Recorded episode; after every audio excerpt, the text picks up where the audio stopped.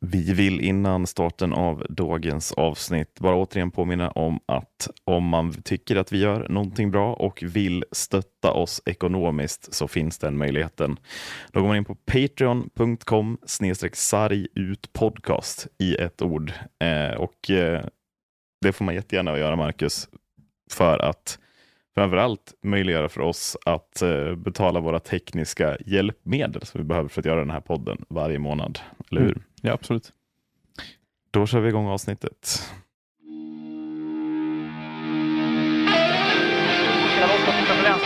Grenberg. Grenberg går via sarg bakom huvudet. Sundin får in fast, där kommer mål! Mats Sundin gör 1-0 för Sverige!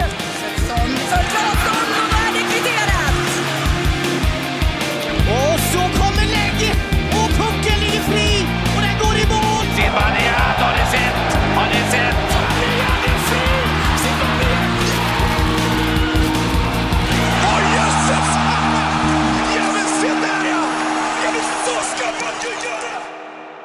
Efter att jag har spilt ut en öl i din soffa, Marcus, och din katt kräks upp två hårbollar så får vi äntligen starta avsnitt 127 av podcasten Sarg ut. Här sitter vi, lite små bakfulla i din lägenhet i Enskede. Ja. Hur är läget? Jo då, det är bra. Hur är det själv? Det är, eh, ja men det är, jo det är bra. Vi var ju dock på Hovet igår. Ja. Yeah. Och ha, är det så att vi där live, tre öl in, identifierade vad som kanske är både AIKs och Djurgårdens problem hittills i Hockeyallsvenskan? Mm. Jag tror det. Eh, hur skulle du säga att vi kom fram till det? Eller vad skulle du säga är liksom, vad blev vår slutsats? att publiken sviker eller? Hur, ja, men också att det krävs liksom för att de här två lagen ska komma upp i den nivån som de har i sig, som AIK kommer upp i igår efter, ja vadå, 25 minuter av matchen, alltså det hinner nästan mm. gå halva matchen, så krävs det liksom dels att publiken kommer igång, men det behövs också att de blir typ förbannade. Ja. Att så här, de är arga på domaren, eller arga på sig själva, eller att det måste liksom knytas nävar och nu jävlar för att de ska hitta nivån. Och att det, det blir väldigt svårt om lag som Västervik, Almtuna och så liknande är på besök. Mm. Typ. Ja, och det är någonting som, som är väldigt svårt att sätta fingret på varför, varför det blir så, att det är svårt att motivera. Eh, jag tycker att det är lite mm, konstigt att, att man ska behöva ha en form av morot som ett lag som AIK och Djurgården ändå är nu känns det ändå som att AIK har börjat etablera sig lite mera åt rätt håll. Kan man tycka. Alltså, mm. Det känns som att de har satsat lite rätt, eh, fått lite mera liksom, medvind på något vis. Men samtidigt, jag tycker att det är jättekonstigt första period som står för där Mora fullständigt egentligen kör över dem, alltså 20 minuter första perioden. Ja, det tycker jag verkligen att vi gör. Och lite delar av andra också, mm. så kommer ju Mora ut och visar att man kan täcka puck och göra vad man vill i AIK-zon lite. Ja. Men sen är det ju som du säger, det är den här klassiska lampknappen som någon trycker på i, i AIK Precis. och helt plötsligt så börjar de spela otroligt fin hockey. Och den lampknappen igår är ju dels att man får Matthew Majonis 1-2 mm. som ändå betyder någonting, följt av att Brendan Truk i en, i en vanlig närkamp väldigt olyckligt ramlar rakt in i sargen och eh, ja, vi satt där och sa att det såg, alltså, han var ju, alltså det är knappt kontaktbar när han leds av isen, det är en väldigt ja. obehaglig situation. Eh, och det är såklart AIK, på, de sitter på långt håll, det sker nere vid Morahörnet, att de tycker ju att det ska vara matchstraff på vem som nu tacklar honom. Men att det är liksom det som krävs. Där och då bestämmer sig AIK för att nu jävlar. Mm. Och när man ser den här nivån i AIK som de presterade igår, Mora gör verkligen inte en dålig match och Nej. ändå AIK så mycket bättre.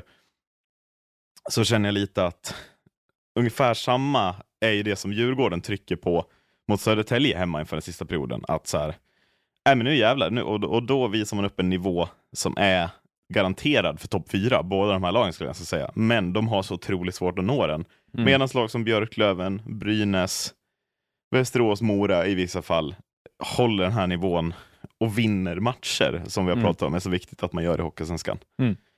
På något sätt. Mm. Och jag undrar lite så här, är det slutspels-outsidrarna AIK och Djurgården vi då pratar om? Eller vad kommer de hitta det här under säsongen? Vad är det vi förväntar oss då? Det är lite, alltså, det är rätt märkligt att man kan landa, för att jag tycker det är oftare man ser det i Hockeyallsvenskan, att det är svårt att motivera sig själv utan att det blir någon form av morot på det sättet. Eh, jag tror att de absolut inte hade haft svårt att motivera sig i en högre liga. Nej. Men det känns, som i dagsläget så känns det verkligen som att så här, ja, HV, eller vad säger Djurgården och AIK är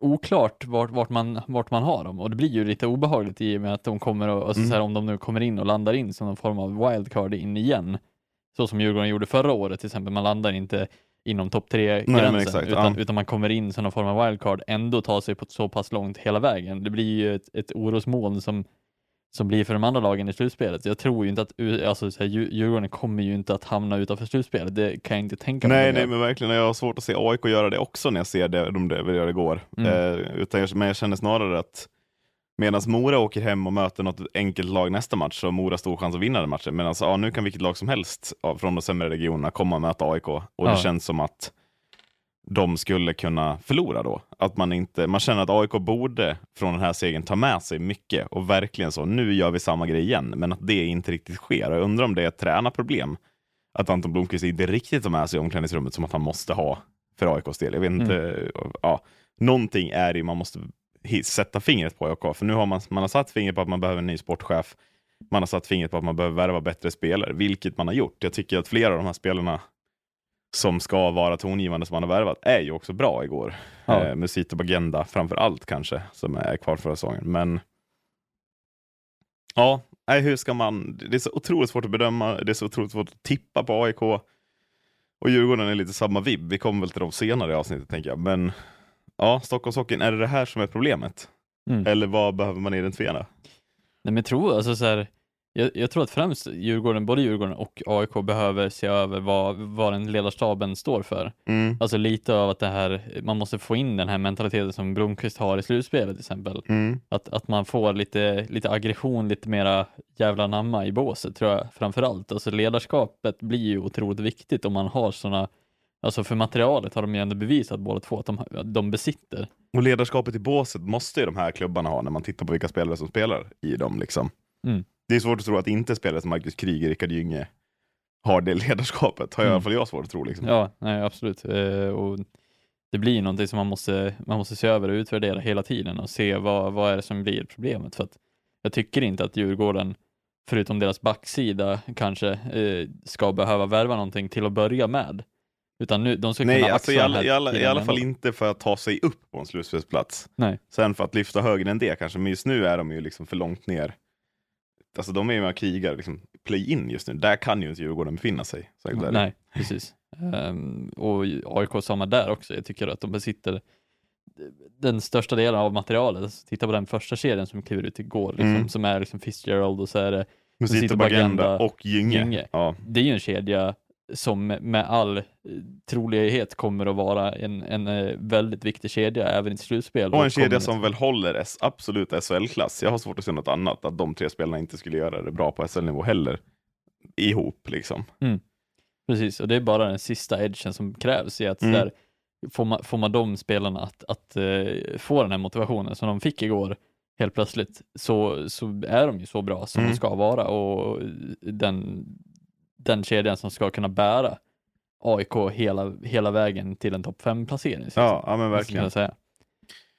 Eh, ja, klurigt liksom för en tränare spontant mm. att, att ja, det är en jävla uppgift att träna Djurgården och AIK kontra andra lag kanske. Mora mm. känns enklare liksom, exempelvis, men att ja, nu, nu ska Blomqvist sätta fingret på det. Sen ska han också göra det. Det känns ju som typ mission impossible om man inte att det ska behöva ägnas så mycket tid till att motivera spelarna istället för att verkligen fokusera på det som sker på isen, tänker jag. Mm. Och, och, dessutom utstå förmodligen en, en högre press utifrån än vad andra klubbar kanske har. Att eh, mm. det hela tiden ifrågasätts på de här lagen för att de dels har materialet men också de har, eh, alltså fansen är ju otroligt viktig faktor för båda de här lagen och ja. det är där de måste också försöka bibehålla. Djurgården gör det bättre, AIK behöver liksom fundera över vad kan vi göra för att, mm. för att få folk, folket att komma på plats. Det var väl, för kontext så var det väl typ 3000 pers på, på Hovet igår. Ja, såg exakt. Ut, såg ut som det var 150 pers där inne. Ja, den blir ju väldigt olycklig Hovet utifrån det att de här 3000 så att det är väldigt utspritt. Mm. AIK hade behövt hitta ett sätt att klumpa ihop folket så man ser att det är Ja. lite mer. För att det blir ju verkligen så. Om 1500 pers sitter utspritt över en hel långsida i hovet, ja då ser det ju i stort sett folktomt ut fast det verkligen inte är det. Ja. Eh, så. Eh, men vad tänkte jag säga? Jo, men också just på tal om krav från fansen. AIK buas ju ut efter första perioden igår. Alltså, och regel, eller helt rätt. Skulle, jag hade också varit förbannad om Mona såg ut sådär. Liksom. Men det som förvånar mig är att AIK sen kommer ut och är exakt lika dåliga första fem, sex, sju minuterna i period två. Innan man får målet, innan truppsessionen och sen tar man över matchen. Mm. Men att det inte heller är morot nog, att man utbuade, att, att kunna liksom så hitta ett sätt att vända det här till något positivt. Utan man kommer ut och har samma problem igen Mm. som man hade innan. Ja. Ja. Ja, nej, otroligt märkligt. Och det, det är också så här, hur tydligt det verkligen är att det bara handlar om att de inte är skärpta nog när de väl spelar Mm. och att de inte får igång spelet och hastigheten på spelet förrän det, det sker också. Så det, det är också jäkligt märkligt, för Mm. det är inte så att de på något sätt har en, en, eh, en dålig liksom, spelidé eller dålig, utan den funkar ju klockrent när de väl börjar spela hockey i hastighet. Mm. Ja.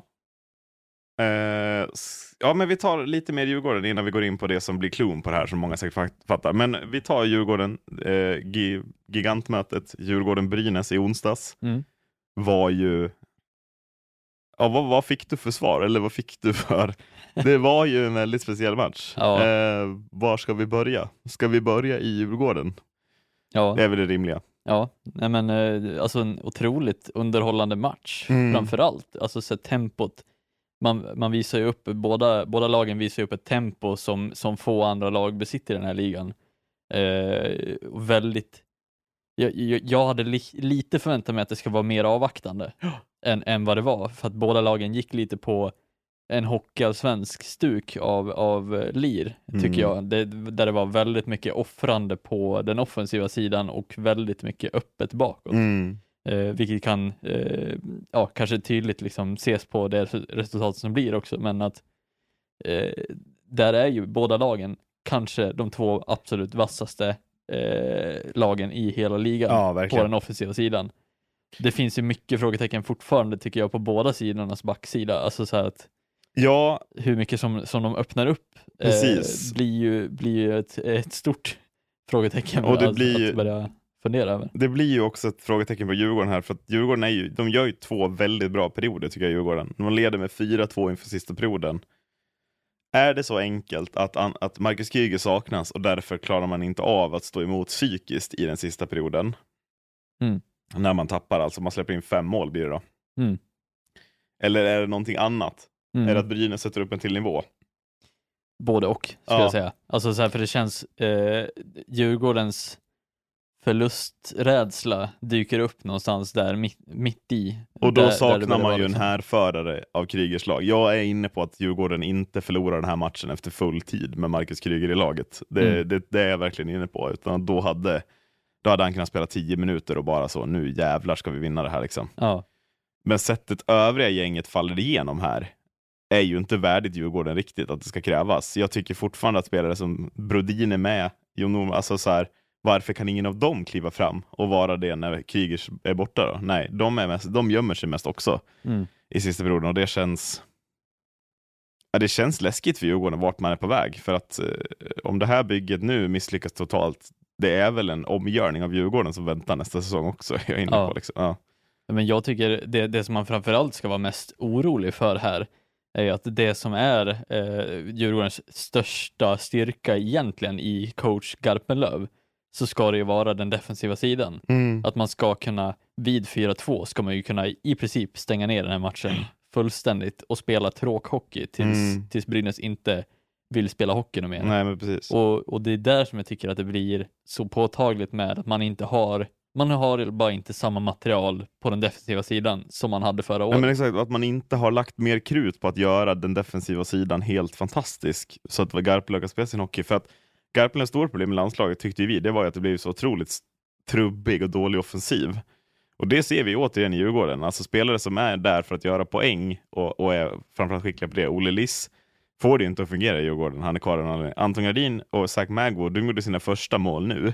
Mm. Då börjar vissa djurgårdare prata som att oj, nu kommer de igång. Jag är inte så säker. Jag tycker fortfarande Mm. att de här två spelarna har äh, sanslöst mycket kvar att bevisa och måste bevisa det om Djurgården ska ha någon form av spets. För att Brodin Norman, de gör sina 20-30 poäng, det vet man. Man vet att Kryger Klasen kommer vara extremt, extremt bra. Men alltså, där bakom, de här som ska bidra med secondary scoring bakom Kryger Klasen är ju i stort sett obefintligt utöver Brodin Norman. Mm. Och Brodin Norman åker ju också lite, alltså så, ja, får man ut det man behöver få ut av sådana spelare också, ska, ja, jag tvekar, men de här, de här tre spelarna är tydliga, sen finns det ju fler bakom som skulle kunna göra mer poäng, men de här tre, Kredin, Magwood och uh, Olle Liss, sådana spelare klarar inte Johan Garpenlöv av att använda på rätt sätt i sitt spel. Och då Mm. måste ju han istället få en brutal backsida upplever jag, som han kan jobba med och verkligen kan stänga ner.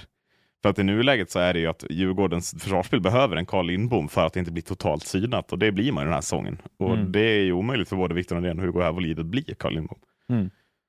Ja, nej jag håller med. Mm. Jag tycker att Garpenlövs svaghet också blir lite som jag tidigare har sagt om, eh, vi diskuterade utanför podden också med att det känns som att Garpenlöv har svårt att, att eh, få ut total leverans av kreativa spelare. Ja, Och Magwood känns som en sån kreativ spelare som Mm. behöver lite mer frihet i sitt spel för att kunna låsas upp. precis. Alltså likt Tyler Keller. Han, han behöver ha liksom en, mm.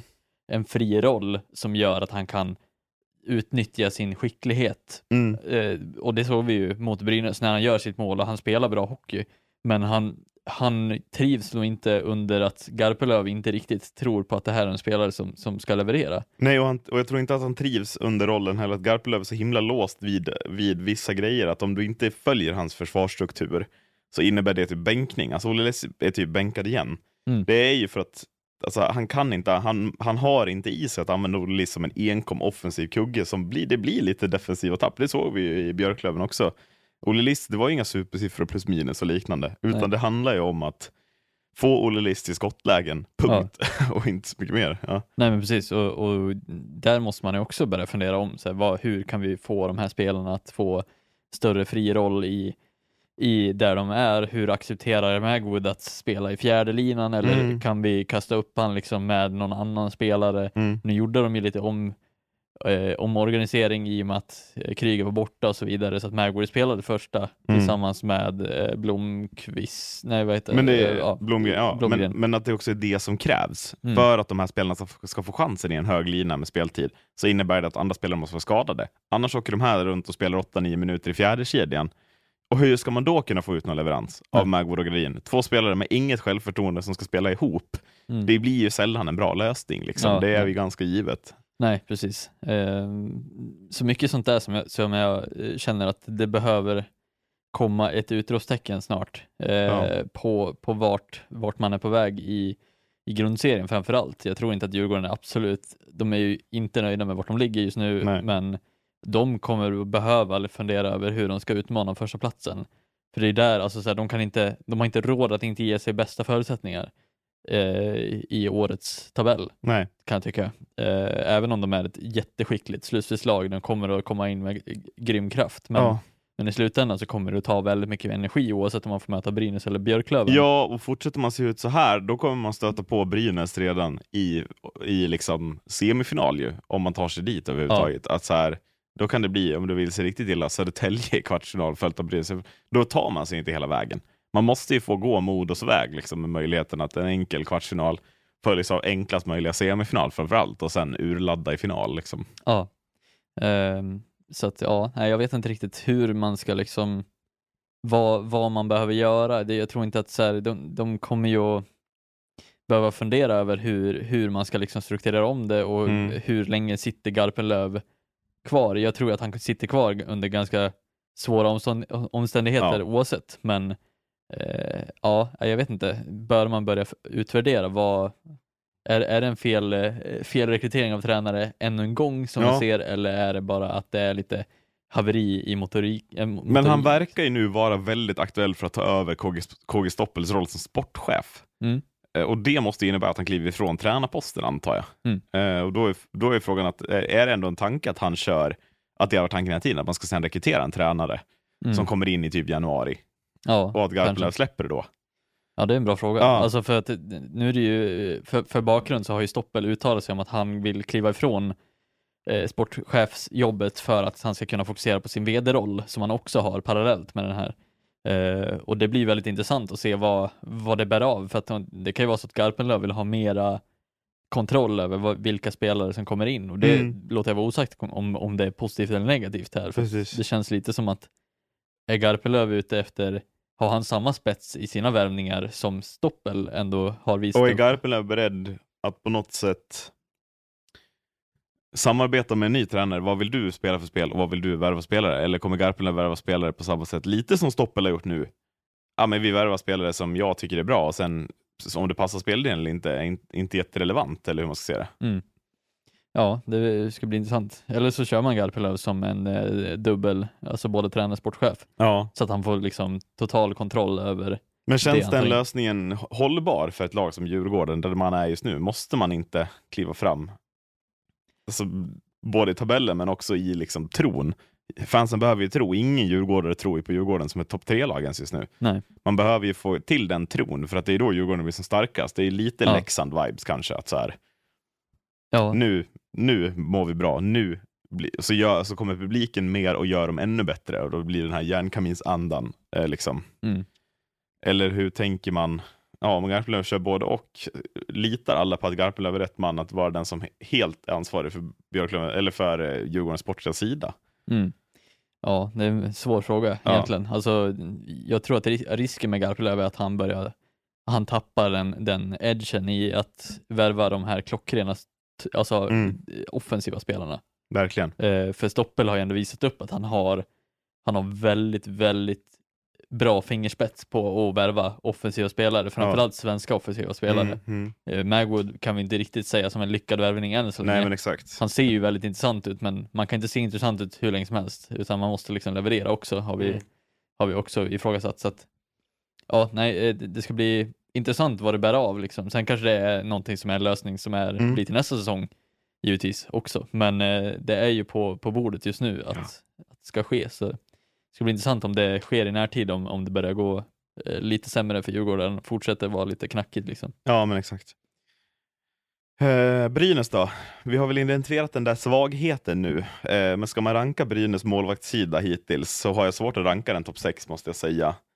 Anders Lindbäck överjobbar ju något så fruktansvärt situationen alltså. Och Damian Klara ja, är ju inte en hockeyallsvensk målvakt, jag säger det. Men han är inte det just nu. Han är född Nej. 2005, han kommer ju att bli det givetvis. Men just nu är inte han en, en rimlig andra keeper i ett lag som Brynäs. Det, det går ju inte att säga något annat liksom. Nej, han tappar ju alldeles för mycket Ja, enkla puckar. Eh, målet vill han ju ha tillbaks givetvis som, ja som och det känns som att otryggheten med de här keeperna bakom gör att Brynäs försvar blir sämre. Får de en stabil pelare så kan det bli väldigt svårt att göra mål på Brynäs också. Ja, och det är inte varje match som man kan räkna med att Brynäs kommer att hämta upp 4-0 eller 4-2 Nej, alltså underläge varje, varje gång och framförallt inte slutspel kommer att vara mycket, mycket svårare och verkligen, tajtare. verkligen. Ehm, och det ska bli intressant att se Björklöven-Brynäs också, Mm. eh, sen hur, hur det artar sig med, med Björklövens liksom en, kanske ännu mer vassare offensiv som kanske kommer att utnyttja det ännu bättre. Mm. Men ja, nej, det, det finns frågetecken och även backsidan tycker jag eh, ty, hjälper inte tillräckligt mycket eh, Demmenklära för, för att det ska vara Nej, liksom men exakt. heller. Och då är frågan, är Jordi Ben lösningen på det problemet? Kanske i ett slutspel, men här och nu, ja, jag vet inte fan Mm. om det kommer bli så stor skillnad. Det kommer vara väldigt mycket Brynäs gör mycket mål och sen får de se hur långt det räcker, typ. Ja. Jag är inne på. Men eh, jag, jag ser det inte som ett, eh, alltså det är inget eh, problem som är som är akut tycker jag, utan Nej. så länge Brynäs tar tre poängare och, och leder ligan och, och fortsätter vara så här, Mm. så här bra så eh, ser jag ingen anledning att stressa över det heller. Jag tycker Nej, man, ska, man ska fasa in Jordi Ben och, och verkligen bara fortsätta spela sitt spel Mm. och se lite vad är det som krävs framöver för att det är eh, jag tycker att man kan, man kan jobba på att tajta, tajta till försvaret Mm. lite mera. Kanske eh, fundera på att spela ännu mera liksom superenkel hockey, framförallt mot de här ja, men lite sämre lagen också. Eh, inte så här försöka göra några så här snurrfinter och grejer på, på blå, utan det, det ska vara väl- verkligen det lättast möjliga spelet som man kan komma fram till. Ja, ja men exakt. Ska man fokusera på. Och uh, om vi istället ska prata liksom uh, tjusningen med Hockeyallsvenskan, men anledningen till att Brynäs och Björklöven ligger ett och tvåa är ju enkel. Och det är ju för att de är helt sjuka offensivt, de här lagen. Mm. Alltså titta Brynäs i den här matchen mot Djurgården. Ja. Eh, och framför allt titta Tyler Keller här. Att vi har sådana här spelare på allsvensk nivå är ju som supporter till ett lag med lite mindre pengar nästan deprimerande att se. Men det är ju, det är ju en sån show och, och Björklöven är ju samma, alltså de här målen som Pool har gjort nu på slutet, alltså vad är det för jävla skott? Det är typ mm. Sveriges bästa skott vi har att göra med, när ja. han får chansen att skjuta. Det är helt, helt absurt liksom. Ja, nej, det är helt otroligt att, att en sån spelare spelar, jag sa väl det redan innan också, att så här, det, det känns ju som att när man tittar på de här laguppställningarna och tittar på de här spelarna, vad de presterar, så förstår man inte riktigt det här är en andra, andra liga som, som de har lyckats Nej, fånga in de här värvningarna på. Eh, Tyler Keller kan man ju, alltså man kan ju säga vad man vill om hans mål som han gör där, där det blir den här högklubba situationen. Eh, mer om den är väl liksom att bara den tar på en spelares klubba upp i ansiktet. Det, det blir en skottrörelse typ. Som... Ja, regeln behöver vi inte prata jättemycket om. Vi är väl överens om att man kanske borde skriva om den. Ja. Att man, om man har en skottrörelse så kan man typ slå, slå någon rakt i pallet. Det är väl inte rimligt någonstans. Nej. Liksom. Precis.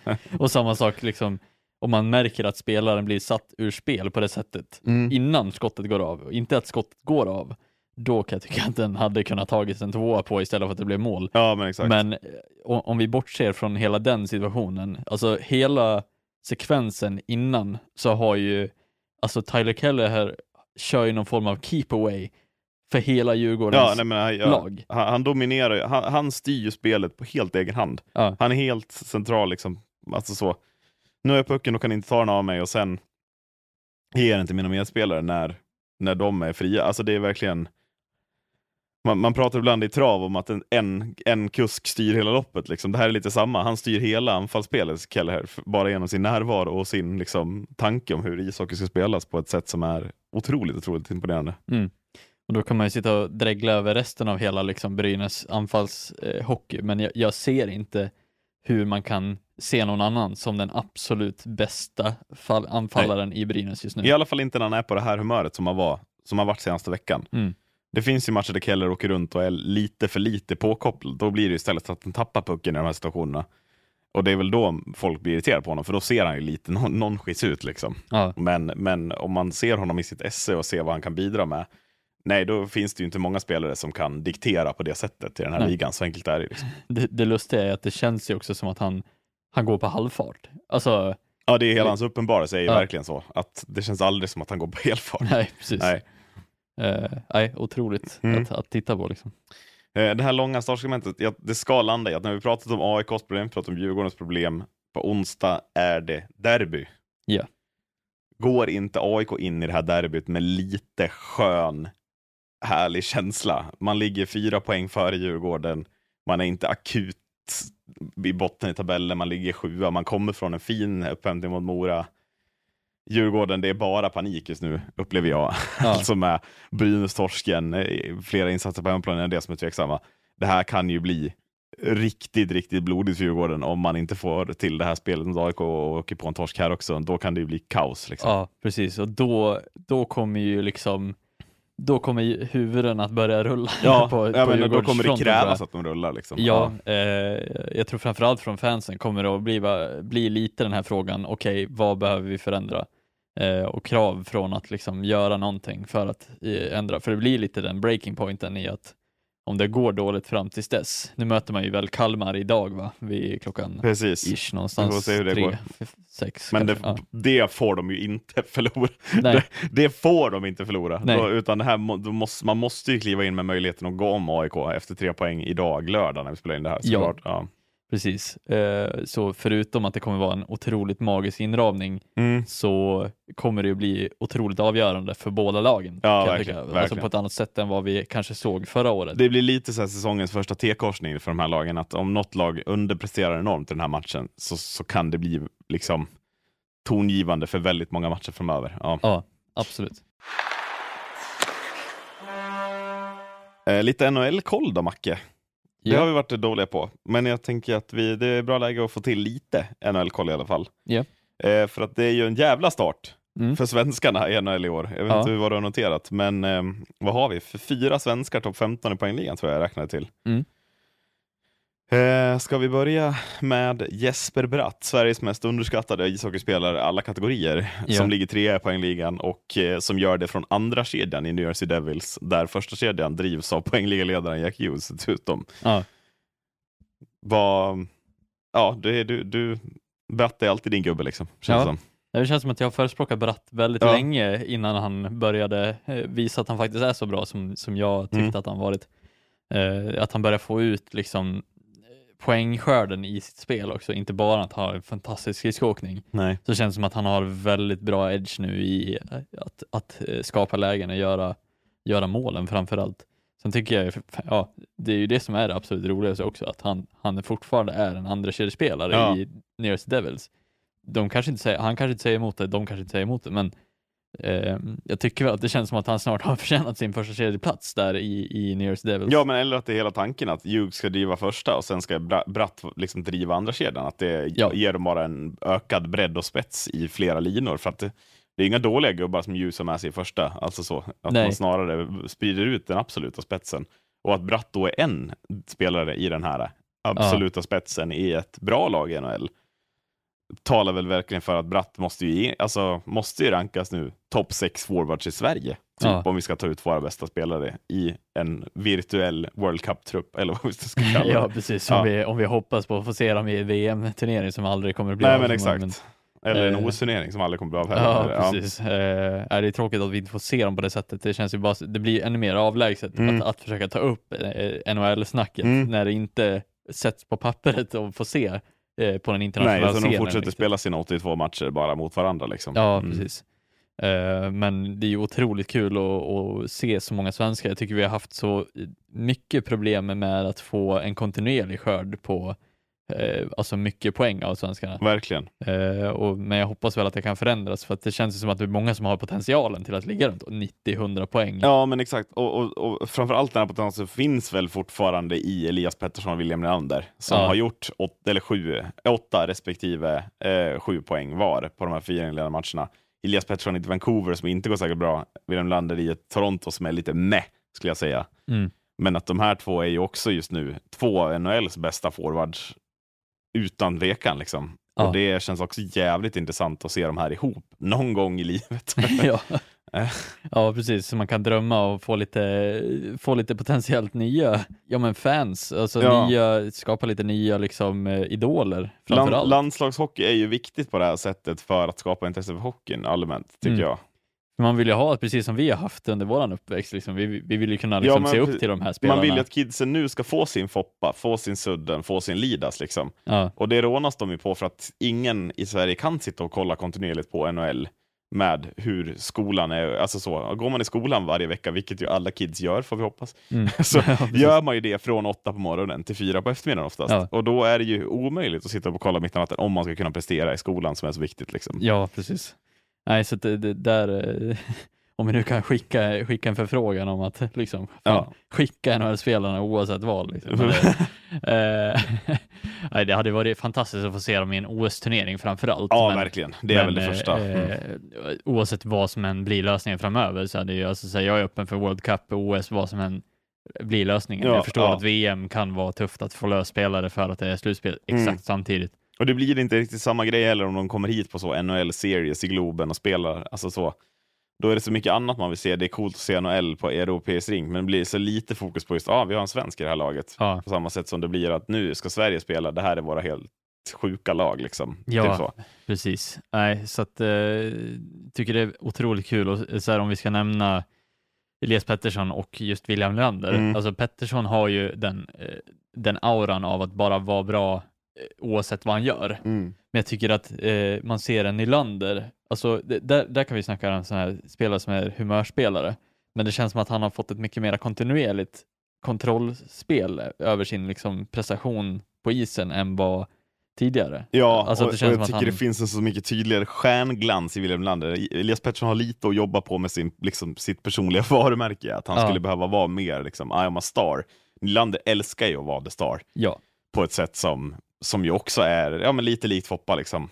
Mm. kanske. Att så här, ja men okej, jag åker förbi fem gubbar och gör ett mål. Alltså sån, den typen av edge sitter ju Nylander på, på ett sätt som blir väldigt viktigt Mm. eh, för att också skapa idolisering. Ja, Mm. och det gör han ju också i skuggan av Matthews och Marner som kanske är de två, alltså egentliga toppspelarna i, Ja, i hela Toronto. Att, att då göra det också från en andra kedja likt Bratt ja, är ju men verkligen. verkligen. minst lika imponerande så Mm. eh, när man har en spelare som, ja vad, började Matthews med? T- Två hattrick på två matcher första. På Mattis ja. Ja, Mm. eh, att då få till den skörden eh, under de spelarna ja. är minst lika imponerande och, eh, och inte hamna i skuggan av dem. Liksom, Nej men exakt, exakt.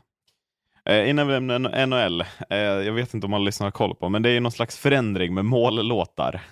Eh, vad är det som har hänt? Varje spelare har fått en personlig mållåt, Ja. eller de har fått välja själva, eller vad är grejen? Ja, det, de, inför säsongen så får de välja vad, vilken mållåt som ska spelas när de gör mål. Ja.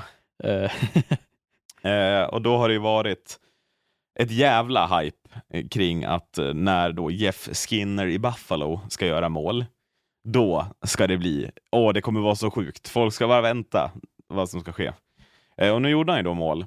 Eh, och då spelades den här låten Breaking Free från High School Musical. Det är väl Zac Efron och någon tjej som sjunger, jag har ingen aning vad hon heter. Men, men alltså, vi kan inte landa i att det här är en svincool, rolig grej. Det är, ju, det är ju ingenting det här. Det är bara att det spelas en lite liksom så, speciell låt när en spelare gör mål. Men det, alltså det, folk får det att framstå som att det är en sån jävla grej och jag blir så trött.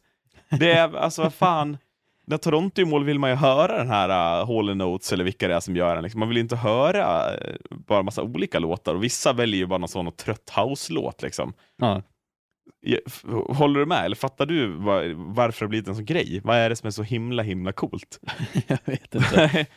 Eh, det är väl, jag vet inte om det är mer för spelarna själva eller om det är för att det är en kul grej för fansen. Att man ska locka fansen till att ja, nu gör han mål, då har han sin låt, liksom, Ja. att man vill höra låten eller någonting. och då ska folk tycka att Jeff Skinner, åh vilken skön kille som valde High School Music. Alltså vad, är, vad ska man tycka? jag fattar inte.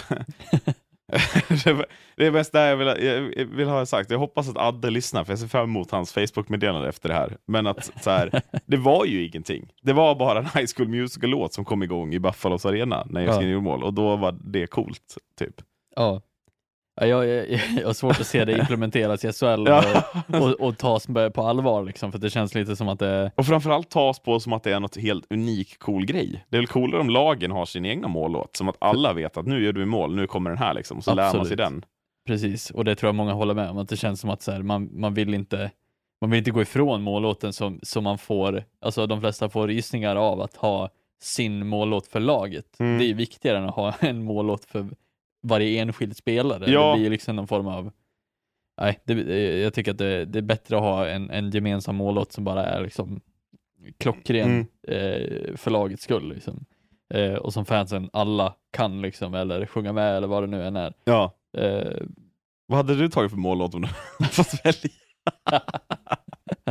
alltså jag tycker, jag tycker om man, om man ska ranka någon form av så här mållåt som är ganska cool så har Ja. Victor Hedman ändå Vindarna viskar mitt namn. Ja, precis. Ja. Där, där kan det ändå finnas någonting i att, eh, det, det finns något där. Ja, ja, absolut. men jag, vad fan hade jag haft liksom? Jag Nej. hade ju kört, eh, ja, jag vet inte, Nej. någon eh, poplåt från eh, 70-talet. ja, ja, jag men vet inte. det är liksom så vad man än väljer så känns det bara, ja, då blev det den här. Alltså så här, som att det är liksom intressant att veta vad spelarna tycker, Mm. vilken musik som är bra, typ. Ja, ja nej, Mm. ja. Oh, jag, vet, jag vet exakt vilka jag har nu. Ja, Det, det är den, alltså om, om vi ska snacka roliga, konstiga låtar, så Ja. hade jag ju tagit den Schnie, Schnai, Schnappi från, från gamla Hits for Kids någonstans.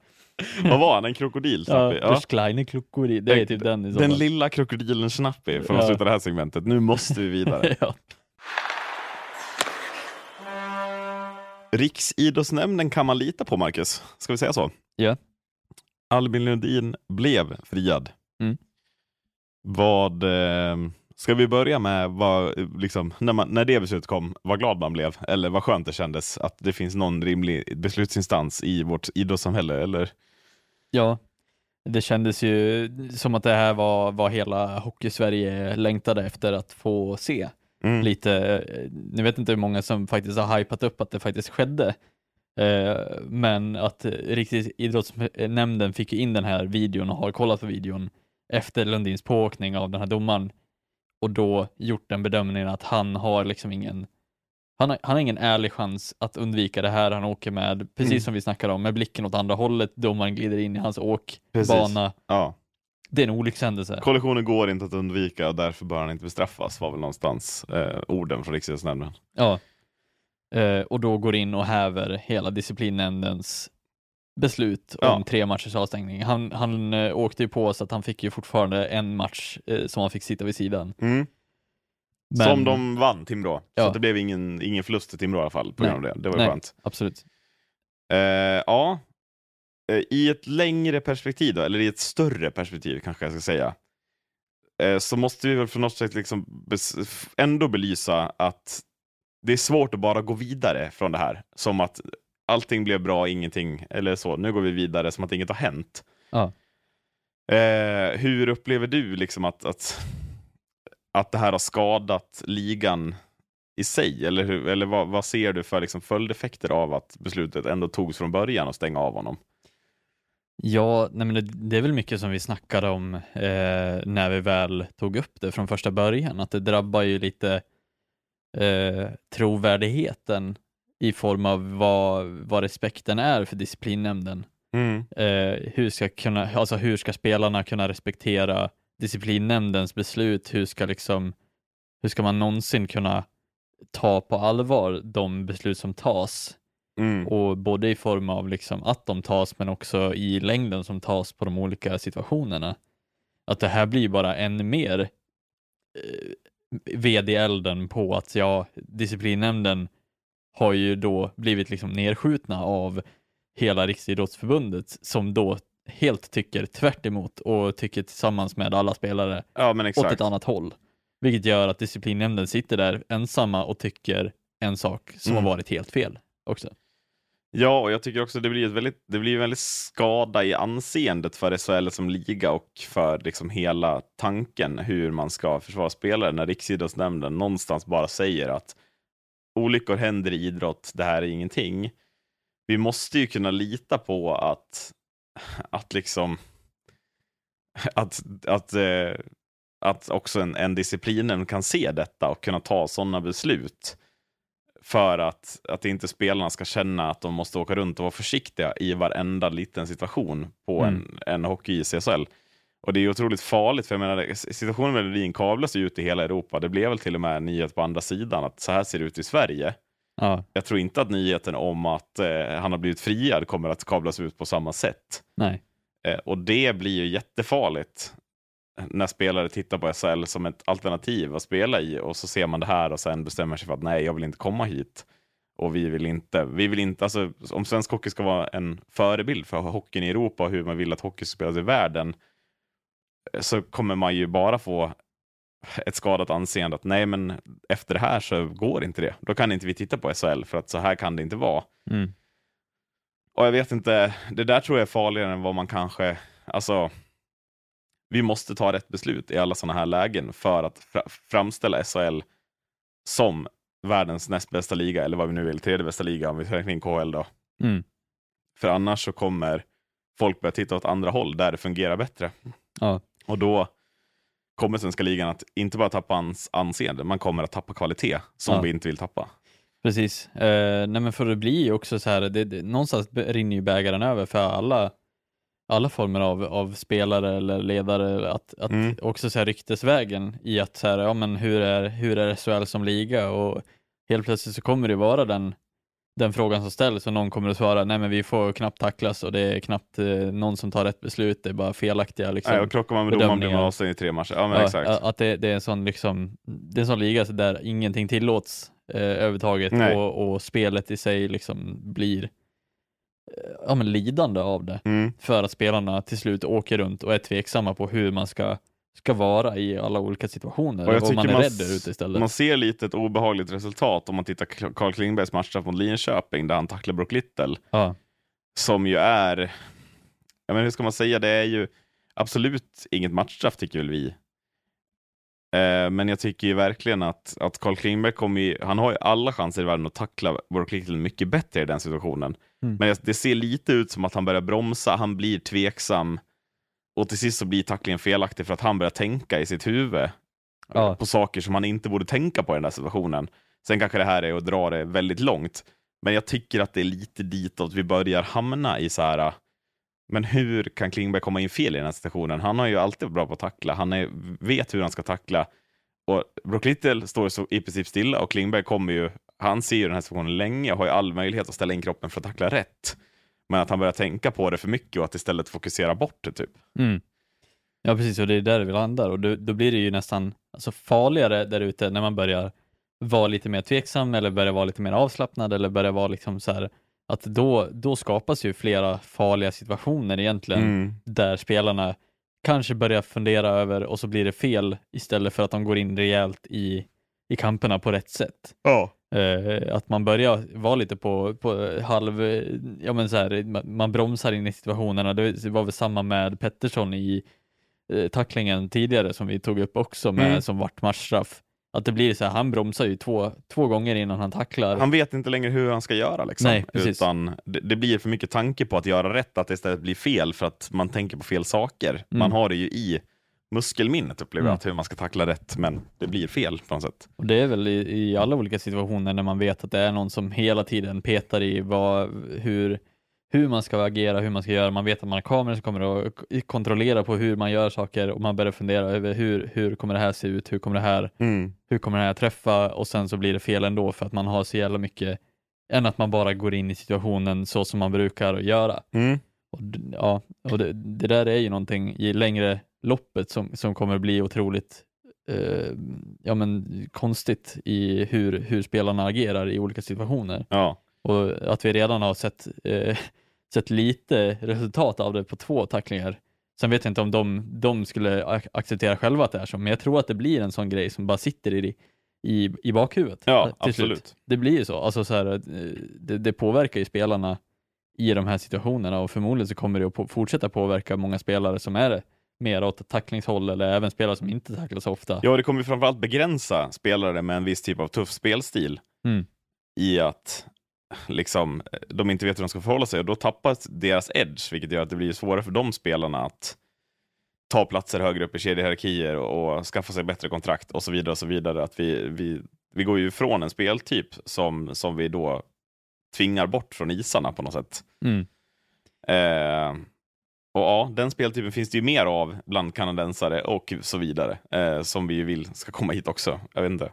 Ja, precis. Och sen är det väl också en fråga om, om, om man ska liksom börja se över vissa regler och skapa en större tydlighet för både spelare, ledare och eh, förmodligen domare också i Mm. det här fallet. Det känns ju som att eh, någonstans så måste vi också börja fundera över, har, är, vi, är vi på fel väg i, Mm. även i regelboken Mm, också? mm. Nu, nu är ju den här regeln, alltså så som vi snackade om eh, tidigare, att den regeln handlar ju om att det ska vara nolltolerans mot, mot beröring av domare Mm. överhuvudtaget. Alltså, så- så- om det så är en knuff eller så vidare. Precis. Men är det en olyckshändelse, man kan inte Då kan man inte ha nolltolerans. Nej, precis. Exakt. Det, måste, det måste kunna bedömas på det sättet. Det måste kunna frias på det sättet också. Att så här, det, det måste kunna ses över. Okej, är den här beröringen med flit? Absolut är den ju alltid det om det är beröring som, som sker efter avblåsning och så vidare. Och det är då den här regeln ska appliceras, absolut. Ja. Men jag tycker att den här regeln måste kunna ha någon form av liksom eh, ja, man måste kunna tolka den på ett sätt som gör att den inte kan, det kan inte ske att det blir en avstängning i form av en pååkning eller en tackling som absolut inte Nej, men exakt. med flit. Och är det liksom första steget att vi, man måste ta ett grepp kring regelboken och man måste ta, liksom, alltså, ha någon form av spelarreferensgrupp hur man vill att det ska bedömas på isen och bara lyssna på den så att alla är med på samma bana. För nu är ju inte folk med på samma bana. Det är ju tydligt. Det är ju många som reagerar på så många sätt och det är profilerade spelare som gör det också som, som tappar geisten lite. Så här, men jag, jag orkar liksom inte eh, lägga mitt fulla fokus på det här om det ska vara på det här sättet. Så Mm. att, är det det steget man måste ta i nuläget då eller? Ja men det känns ju så, alltså, så här, Mm. man måste börja, man måste, måste börja kommunicera. Det känns också som att vi ska Ja. inte, eh, som vi har snackat om så mycket innan också, att det, vi är inte motspelare mot något form av, alltså disciplinnämnden, domarna och spelarna ska ju tillsammans jobba emot att vi ska ha en trygg och bra liga. Mm. Ja, men Det- att det typ måste sitta med lite spe, gamla spelare i, i disciplinnämnden och sådär också, för att, som hjälper till att att förklara varför beslutet ska tas på ett sätt och inte på ett annat sätt som de har tänkt inför. Typ. Alltså Ja. någon sån grej, jag vet inte. Man kanske måste testa det i alla fall, så att Ja. det inte blir massvis med fler sådana här situationer, för då är det på väg åt ett riktigt farligt håll. Liksom. Ja, Mm. eller ha eh, representanter från varje lag Mm. som också kan kontrollera de besluten som tas. För nu känns det som att så här, ska vi ta sådana här beslut baserade på en 25 minuters möte eller vad det nu var som de Mm. hade. Alltså så här, det kan ju bli så fel så fort. Ja, Istället för att man, man kör, okej, så här, vi, vi låter han spela under den här perioden vi utvärderar det här. Vi, Ja. vi skickar, för att det här känns som att det är många som är osäkra kring det här ja. vi skickar den till de olika referensgrupperna som inte, alltså av, av alla de lag som inte är påverkade av den här situationen överhuvudtaget och ser vad de tycker. För jag menar, o- om man uppenbarligen går ut på Twitter så är det ju spelare som har ganska bra koll på de andra matcherna och Ja. tycker till om just den här situationen eh, redan. ja Så det finns ju ett intresse av att ändå behålla ligan. Alltså så här, det är inte, jag, jag kunde inte se jättemånga som, som gick ut och sa jättebra beslut från spelarsida som ändå är aktiva spelare Och då har i det, den här varit ligan. väldigt, alltså det har varit väldigt många situationer i år som Mm. har blivit avstängning där inte spelarna köper det. Mm. Och spelarna måste vara liksom den första instansen, de måste man få med sig. De Ja. tycker man tar ett beslut. Ja. För att det är de i slutändan som det här som Berör som, mest, som ja. berör. Alltså här, säkerheten kring alla spelarna och det som ska beslutas kring spelarna. Allting är ju på grund av att vi vill ha en trygg liga och en, en, en hög nivå på ligan för spelarna, inte för någon annan egentligen. nej, Utan exakt. det är spelarna som i slutändan ska spela den hockeyn som vi vill flagga Mm. utåt och då kan vi inte liksom hålla på att att jag tar sådana här beslut som, Nej. som grundar sig i att det är en olyckshändelse som, som anses som ett, ett aktivt val, att någon har försökt skada en domare och det Mm. tror jag inte någon spelare håller med om överhuvudtaget. Nej, och det är ju bara, verkar ju bara vara disciplinen som tycker det, för det tycker ju inte ens Riksidrottsnämnden här. Nej. Det är ju det som gör det här beslutet extra, liksom, Ja. en nivå över. Ja. Precis, och det gör väl ännu mer bara att elden blir starkare i att är det inte dags att bara kanske omorganisera hela den här disciplinen Mm. för att de som sitter där nu eller de starkaste personerna som tar besluten där verkar ju uppenbarligen inte kunna ta beslut baserade på en gemensam liksom, Mm. syn på, på ishockeyn som vi Ja, har exakt. just nu.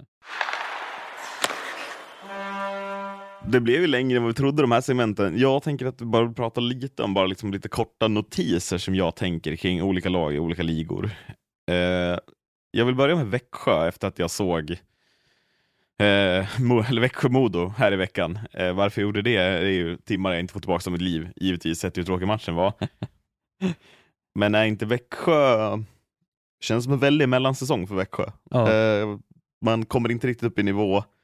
Det blir krampaktiga segrar där man måste förlita sig väldigt mycket på att hålla tätt bakåt snarare än att gå ifrån offensivt. Jag vet inte riktigt vad jag förväntar mig av Växjö. Jag tippar dem som ett topplag. Känns som att det är väldigt många pjäser som är inte riktigt ersatta, framförallt på backsidan med Bengtsson och Hermanktell. Känns som en slätstruken backsida snarare. Ja. Nej men alltså så det, det känns ju som att de, de har eh, alltså jag, jag vill ju ändå säga, jag, jag vill berömma Växjö för att när de väl lägger på den så kallade blöta filten som Mm. den så, så fint heter, så är de ju otroligt bra på att göra det också. Ja. Och det blir otroligt tråkigt att se hela den här matchen. Men det, gör det känns liksom- som att det är ännu mer blötfilts, alltså man har ingen riktig idé. Tidigare upplever jag att man har gått en mer defensiv så, men att man fortfarande har en tanke på hur man ska använda det för att skapa mer offensiva lägen. Nu blir det väldigt mycket bara, bara defensivt. Typ. Ja. ja, alltså Växjö skapar ju inte otroliga målchanser i den här matchen, utan det är ju det när Marcus Sylvegård gör målet Mm. som blir det avgörande och det är typ ett läge som, som de får då, den matchen som är kanske det, mest, det bästa läget de har också. Ja, de exakt. har något, eh, nå- några enstaka lägen till, Mm. men jag upplever att Växjö inte riktigt är superintresserade av att spela den anfallshockeyn som man gjorde förra året. Nej, Eh, att de, att de man inte inte riktigt hittar strävar efter material det till det upplever jag. liksom. Ja, nej, Ehm, absolut. mm. Även om Silvergård har varit fantastisk fra, alltså, hittills den här säsongen, men det känns som, som Växjö som helhet och som enhet inte alls är lika skarpa i den offensiva eh, delen av Nej, planen nej. längre. Eh, Och det känns som att max räcker till typ play-in. Knappt att jag ser dem räcka till topp 6 om det fortsätter se ut så här. Man behöver liksom hitta verkligen en helt annan typ av spel för att komma rätt. Ja. ja. För att Modo är ett lag som man förmodligen kommer kunna stänga ner på det här sättet eh, och inte, Exakt. Alltså, så- som kanske har lite svårare att ta sig igenom den här typen av ru- rutinerade Mm. spel som Växjö visar upp. Men samtidigt när man kommer att möta Väx- Färjestad och de här lagen så, så kommer det ju inte att räcka Nej, med men att och, göra och, och 1-0. nu har liksom både Luleå och Timrå visat att man klarar av att slå Växjö på bortaplan när de har Ja. försökt med det här spelet. Och det är ju också så här, ja men de hemmamatcherna har man inte riktigt råd att torska två på rad. Nej. upplever jag. Nu är Luleå jättebra. Timrå har också klickat igång rejält nu. Men, men att det är de lagen som Växjö vill ha bakom sig, onekligen. Mm. Eh, så att då kan man inte se så på slaskigt ut på hemmaplan. Och sen ser ju bortaspelet ännu värre ut för Växjö. Man har ju väldiga problem att ta poäng på bortaplan i största allmänhet, upplever jag. Ja, och sen ska man väl också benämna att det känns inte som att Larmi har kommit upp i den nivån som han Verkligen inte. ska ha. Nej, men det är inte det som ett litet frågetecken för Växjö. Jag vill hävda det, kanske Ja. inte i podden, men att Larmi är ju inte alls det han var förra året. Nej, Eh, och Adam Åhman, han var jävligt bra mot Modo, men han är nog inte en målet heller som har det i sig att rädda Växjö, stå på huvudet, rädda dem i många matcher. nej. Nu, var, nu var han ju det mot Modo givetvis. Mm. Jag tycker han gör en fantastiskt bra match. Bäst på plan, onekligen. Ja, Mm. och, och räddar ju den där fantastiska räddningen med klubban. Eh, Ja, där men det är det sista, jag menar, det är sista liksom minuten. jättenära att ni kvitterar också. Eh, så att jag tycker inte alls att Växjö ska, ska på något sätt luta sig tillbaka och tycka att vi är glada och nöjda med att det här, det här är ett fungerande spel, utan jag tycker att de har, de har så mycket mer i sig att kunna, eh, kunna utveckla det Mm. mer åt att eh, slippa vara liksom en tråkig skithockey de ska spela resten av säsongen, för att det, det kommer att kommer räcka mot vissa lag, men det kommer inte räcka längre Ja, eh, nej, än mot vissa lag. Det, det, det är ju det som blir deras utmaning och jag Mm. menar, ja, kan Adam Åhman, visa upp den här nivån som han gjorde mot Modo, ja, då vet jag inte om Larmi står så många matcher till. Exakt, Alltså. exakt, exakt. Eh, så att det, det blir ju en huvudbry för, för Växjö också. Eh, sen är det klart att han ska inte behöva stå på huvudet för att Växjö ska klara av att spela det här spelet heller. nej. Det tycker jag också är lite eh, mot, mottalande mot deras nuvarande spelstil. Eh, ja, eh, vi, fort, vi kollar Småland. Nybro då? Slår Brynäs hemma imponerande den här veckan. 12 insläppta mål, 0-5 mot Björklöven, seger, eller torsk 7-3 mot Almtuna igår. Var det här lite vändpunkten för Nybros fantastiskhet hittills? Eh, eller vad, vad var det som hände? För de såg riktigt dåliga ut tycker jag, båda matcherna också. Tex Ja. såg absolut inte bra ut i målet. Alltså det var mycket som, som såg dåligt ut. Ja, nej, men det, det är klart att det, alla poäng som de, de tar nu i början och, och, och är så här bra nu i början är ju både skärmande men också viktigt för dem i slutändan. För Mm. vi, vi vill ju inte tro att Nybro ska kunna utmana eh, toppen här, utan det är ju bara Nej. ett tillfälle. Liksom. Nu har man fått möta det här tyngre motståndet kanske i Björklöven. Brynäs var ju bara en, en, en platt match från Brynäs förmodligen, men Ja, det känns ju som att eh, det börjar vara nu som det blir avgörande för hur Nybro studsar tillbaka också. Alltså så här, hur, Mm. Hur kommer resten av säsongen se ut? Kommer de kunna studsa tillbaka efter de här totala eh, plattmatcherna mm. som de har gjort? Och så här mycket mål insläppta, att man börjar tvivla på sin spelidé, man börjar tvivla på, på sig själva. Eh, blir ju viktigt att, att man tar hand om, om det här och, och Ja. ser det för vad det är. För att det, det viktiga är att man inte börjar titta uppåt mer. Nej, Eller? nej, verkligen. Nej. Eh, men jag upplevde också att jag upplevde Nybro och Kalmar som skillnaden då, för jag tyckte att Nybro, även båda lagen gick ju bra i början, men jag upplevde Kalmar mer som den här nykomlingsgrejen, att de bara t- viftade till och tog poäng. Nybro tyckte jag ändå hade någonting, man hade en tanke med sitt spel, Tommy har satt något, man hade material som är bättre än Kalmar uppenbarligen. Eh, så jag, jag är ändå förvånad att det ser så här pass eh, enkelt ut för både Björklund och Almtuna veckan. Sen kan det bara vara en platt vecka, sånt händer ibland. ja, Men man måste nog hitta tillbaks till vad man var, kanske inte i matcherna mot Brynäs, där man, alltså, utan snarare i matcher som mot Mora borta. Alltså de typerna av matcher, precis. där man hittar ett spel som verkligen går emot. Eh, ja, men att man klarar av att stänga ner lagen, inte de absoluta topplagen, men i alla fall lagen som, som vi tror ska kunna nå slutspel också, eh, från plats fem och neråt. Typ. ja. Eh, slutligen då, tänker jag, eh, Frölunda utan Jere Innala.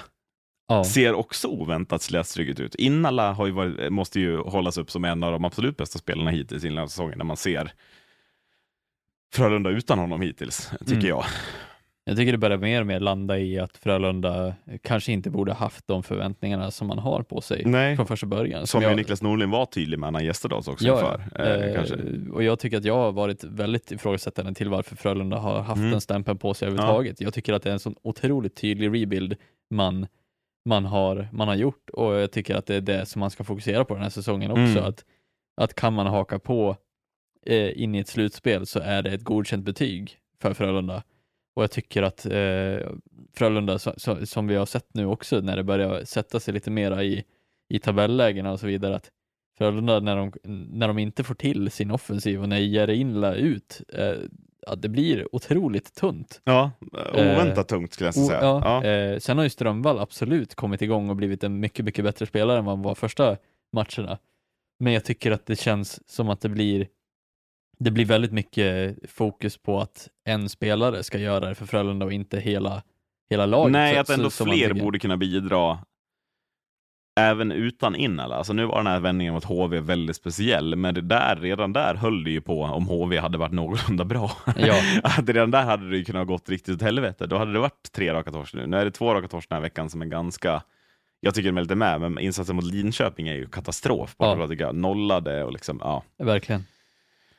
Uh, men uh, jag tycker att det, det, det, finns saker att, att vara orolig för i Frölunda-lägret. Ja.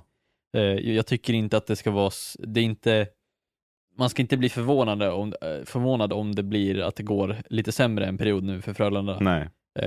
utan att man, man ska bara försöka ja, men spela så, så lätt man kan på det här och, och försöka bara vinna matcher som man ska vinna. Sen kommer man att förmodligen åka på torsk mot vissa andra bättre lag. Eh, men jag tycker att det känns, det, det, är en oro i att Frölunda tappar så mycket edge i sitt spel mm. som de gör. Eh, jag tycker att de tappar hela spelidén, hela liksom spetsen framåt eh, för att det ska tala för att det här är ett lag som, som ska utmana ja. topp tre ja, i den här tabellen. Ja. Det tycker jag vi ser alldeles för många starka lag eh, som har bättre förutsättningar framför allt. Mm. Ja, ska vi säga så från soffan i Enskede och kicka igång andra perioden av, av SL-matcherna som vi nu följer klockan tre här. Yeah. Eh, vad borde Frölunda utan Jendrina göra lite mer av? Jag tycker de borde spela lite mer sarg ut. Det borde de göra. Tack för att ni har lyssnat. Hej då! Hej då!